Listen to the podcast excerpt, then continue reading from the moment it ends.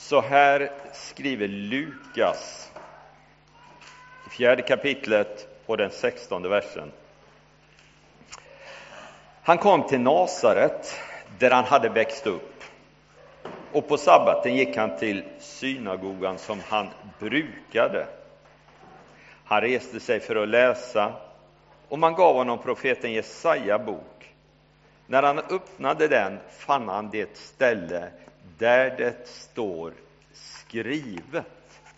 Och där stannar jag i textläsningen. Ska fortsätta alldeles strax. Sammanhanget som vi precis har läst utspelar sig inte på någon okänd plats för Jesus. Det är faktiskt i Nasarets synagoga, där han hade växt upp, där hans liv hade formats. Människorna som sitter eller står i den här synagogan, de var precis som er. De som satt på den sidan satt på den sidan varje sabbat och de som satt på den sidan sitter på den sidan varje sabbat. Och nådde den som hade tagit deras plats. Ganska likt som det är hos oss. Nej, så är det ju inte. Jo, så är det. Nasaret är i våra dagar en storstad. 60-65 000 invånare. På Jesu tid var det här en liten, liten by. Det var en av de 240 byar som finns i Galileen, varav endast varav 75 procent inte är omnämnda någonstans i den historiska litteraturen. Det bodde 250-500 personer här ungefär. Det här hela texten utspelar sig. Det är sabbat, alltså det är lördag, det är söndag om du översätter det till vår tid och vår kultur. Jesus går till synagogan som han brukade göra, som var hans vana, säger texten, som han gjorde varje söndag. Har du kommit hit av vana idag? Grattis! Du är i gott sällskap med Herren själv. En god vana är alltid bra att ha. Vad jag funderar på när jag läste den här, visste Jesus att det här var en speciell dag? Eller var det bara de vanliga sabbatsrutinerna som man följde. Deltagarna har kommit en bit in i gudstjänsten, i den judiska gudstjänsten. Man har läst sju stycken ur Moseböckerna som var obligatoriskt. Och nu har man kommit till den andra avdelningen som innebär att man läser någonting ur profeterna och någon blir ombedd att läsa. Och man har bett Jesus läsa den här dagen. Jesus går fram i synagogan. Han vänder sig till tjänaren som är där framme och han ber att få just den bokrullen. Han rullar fram rätt ställe och hela folket reser sig upp. Varsågod och stå upp. För det var så man gjorde när man läste texterna. Då stod man upp av vördnad för Gudsordet och så bläddrar Jesus fram och så läser han detta fantastiska ställe. Han säger så här. Herrens ande är över mig, ty han har smort mig till att frambära ett glädjebud till de fattiga. Han har sänt mig att förkunna befrielse för de fångna och syn för de blinda och ge de förtryckta frihet och förkunna ett nådens år från Herren. Han rullade ihop boken, gav den tillbaka till tjänaren och satte sig. Alla i synagogan hade sina blickar riktade mot honom och han började tala till dem och sa Idag har detta skriftställe gått i uppfyllelse inför er som hör mig. Alla prisade honom och häpnade över det ljuvliga ord som utgick ur hans mun. Och de frågade, är inte det Josefs son? Varsågod och sitt. I den här delen av gudstjänsten så kommer det som vi skulle kalla predikan då. Och det är den Jesus får hålla på hemmaplan. Alla blickar är riktade mot honom. Förväntan är stor. Han har läst om Messias. Alltså, detta är ju det absolut största samtalsämnet som existerade i Israel under de här århundradena. När kommer Messias? Vad ska han göra? Och så vidare. Vi har diskuterat väldigt mycket nu för tiden Donald Trump och Trump, hur kommer det att bli? Det, diskussionen är en stilla susning mot den Messiasdiskussion som fanns på den här tiden, mot den förväntan som fanns, mot allt det där. Och helt plötsligt så säger Jesus så här. Idag har det här skriftstället gått i uppfyllelse inför er som hör mig. Och med de orden så flyttar Jesus historien in i den lilla synagogan i Nasaret. Denna vanliga sabbat och ingenting kommer längre att vara som det har varit tidigare. Allting är från och med det här ögonblicket förändrat för Jesus, för de som blir hans lärjungar och för de som sitter och lyssnar till honom. Alltså, Messias var det stora samtalsämnet och Jesus säger, det är jag som är Messias. Idag har detta skriftställe gått i uppfyllelse inför er. Gud gör det oväntade i en liten by i norra Israel. Där uppenbarar sig Messias. Det är inte en plats i landet som de flesta förväntar sig. Det är troligen inte någon jättelik PR-kampanj i Nasaret. Bibelsammanhanget talar om att allting var som det brukar vara. Där han hade växt upp, han gick till synagogan, gudstjänstordningen var det vanliga. Är inte det Josefs son, säger de till slut. Och ändå så ändras hela historien här. Det drar und Jesus undan slöjan och säger idag, idag har detta inträffat. Och då tänkte jag så här när jag satt och läste det, ja, men det är ju så typiskt Jesus att göra så här. Rakt in i det som ser ut precis som vanligt gör han det fullständigt ovanliga och förändrar allting. Rakt in i det som var deras vardag, rakt in i det som de funderade kring. Där kommer Messias. Och någonstans i det här sammanhanget så gör Jesus då sin, ska vi kalla det programförklaring, det som skulle fylla hans liv och det som du och jag har att luta oss emot. Det är det han ger i de här orden. Herrens ande över mig, ty han har smort mig till att frambära ett glädjebud till de fattiga. Han har sänt mig att förkunna befrielse för de fångna, syn för de blinda och ge de förtryckta frihet och förkunna ett nådens år. Jag kommer att stanna inför tre snabba uttryck. Glädjebud, frihet och den helige Ande. Glädjebud, det säger Jesus att han kommer och berättar. Och med en gång så tänkte jag på Sackaios. Man måste ju hitta någonting att jämföra med. Sackaios, hur många av er har hört berättelsen om Sackaios? Vågar ni räkna upp hand? Ja, då är jag någorlunda på trygg mark. Sackaios, det står berättas lite längre fram i Lukas, var en man. Det står konstaterat om honom att han var rik. Han hade tjänst vid tullen. Alltså, han satt och klarerade det som gick in och ut ur staden. Och han hade ett hus. Han var som en typisk Bankerydsbo, förutom tulljobbet. Då. Rik och bra och hade hus och allting sånt här. Typiskt svensk. Han får reda på att Jesus ska komma genom stan.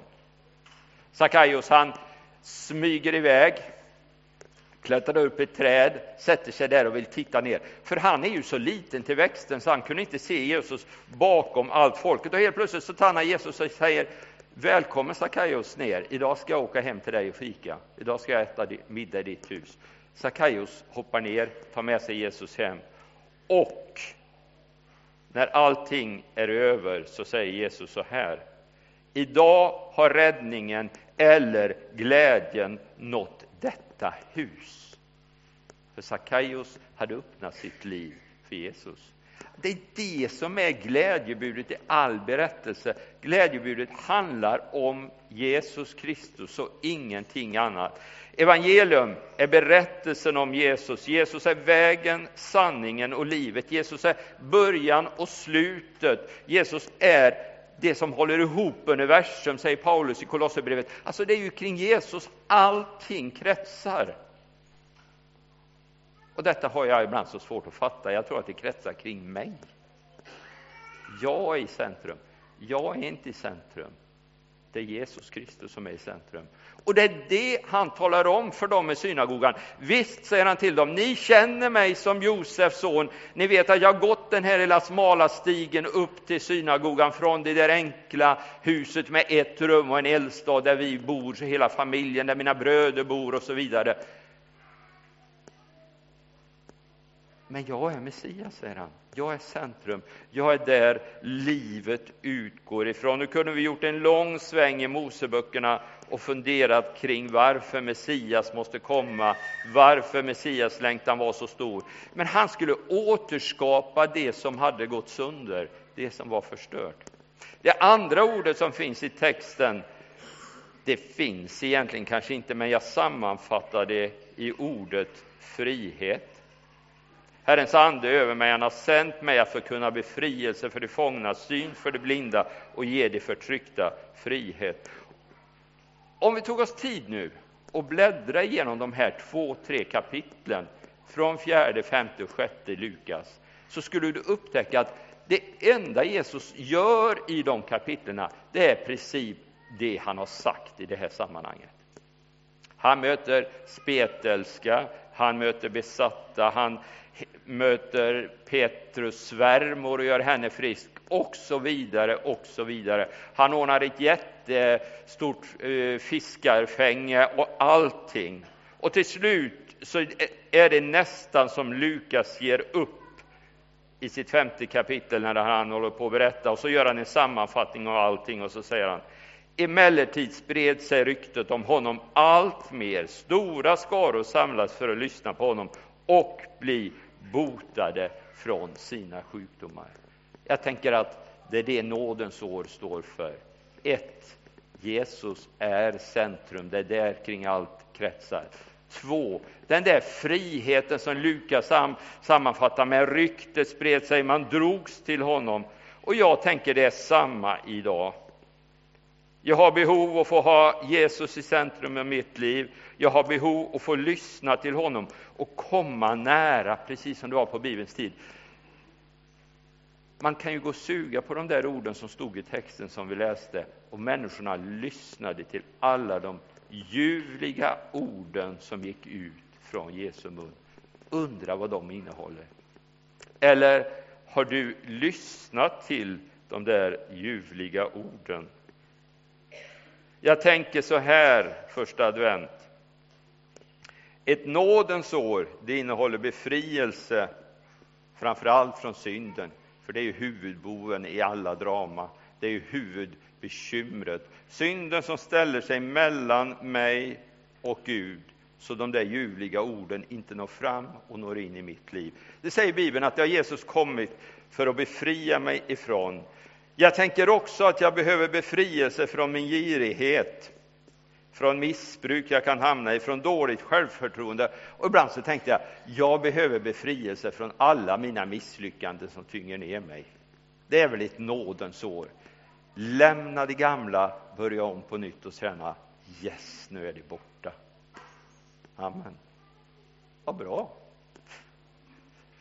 Det tänker jag ibland. Det är så lätt och inte våga och inte tro och inte tänka att man räcker till. Men ett nådens år och befrielse från Jesus innebär att jag lämnar det och går in i ett nytt. Avslutningsvis då. Den här texten handlar väldigt, väldigt mycket om den helige Ande. Jesus säger att Herrens ande är över mig. Och då tänker jag så här att det Jesus gör i Nasarets synagoga, det är att han spränger på något sätt de mänskliga begränsningarna. Han tar allting ett steg längre.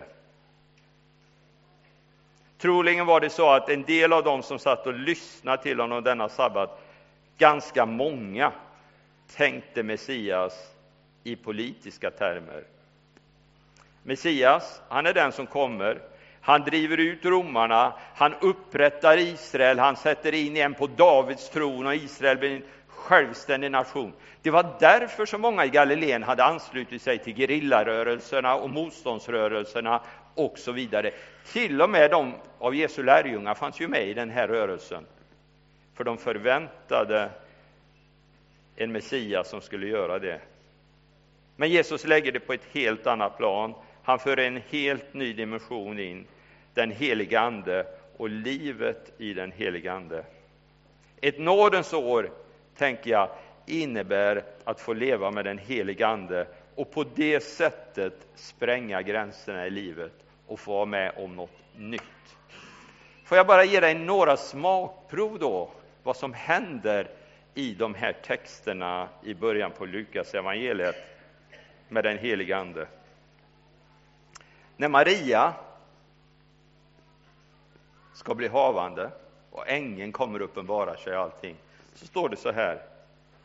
Helig ande ska komma över dig och den Högstes kraft ska vila över dig. Därför ska barnet kallas heligt. Om du går sex månader längre fram i tiden så förflyttar ju sig Maria från Nasaret till Elisabet, Johannes döparens mamma. Och när Maria kommer dit och hälsar på, då sägs det så här.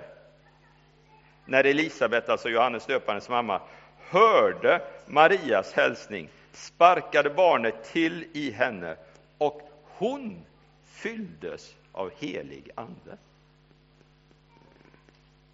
Inte barnet, men Elisabet. Alltså, det spränger gränserna, det gör det oväntade. Vid Jesu dop så står det att den helige Ande kom ner över honom i en duvas skepnad och en röst hördes från himlen som sa Denne är min älskade son. Strax innan det vi har läst så står det berättat om att Jesus var uppfylld och ledd av Anden. Jesus återvände uppfylld av den helige Ande och ledd av Anden var han 40 dagar i öknen. Och när de 40 dagarna är över så säger det, texten säger att med Andens kraft inom sig återvände Jesus. Och så har vi läst texten. Ett nådens år var rubriken. Ett nådens år tänker jag innehåller ett, det goda budskapet. Jesus har tagit min synd. Det är det som är glädjen. Han har rivit ner skiljemuren som stod mellan mig och Gud. Han har rivit ner allt det där som stoppar de ljuvliga orden, som stoppar inflödet i mitt liv. Det är borta, det tog han på Golgata. Därför finns befrielsen från alla mina gamla misslyckanden, från allt det som jag inte vill bära med mig.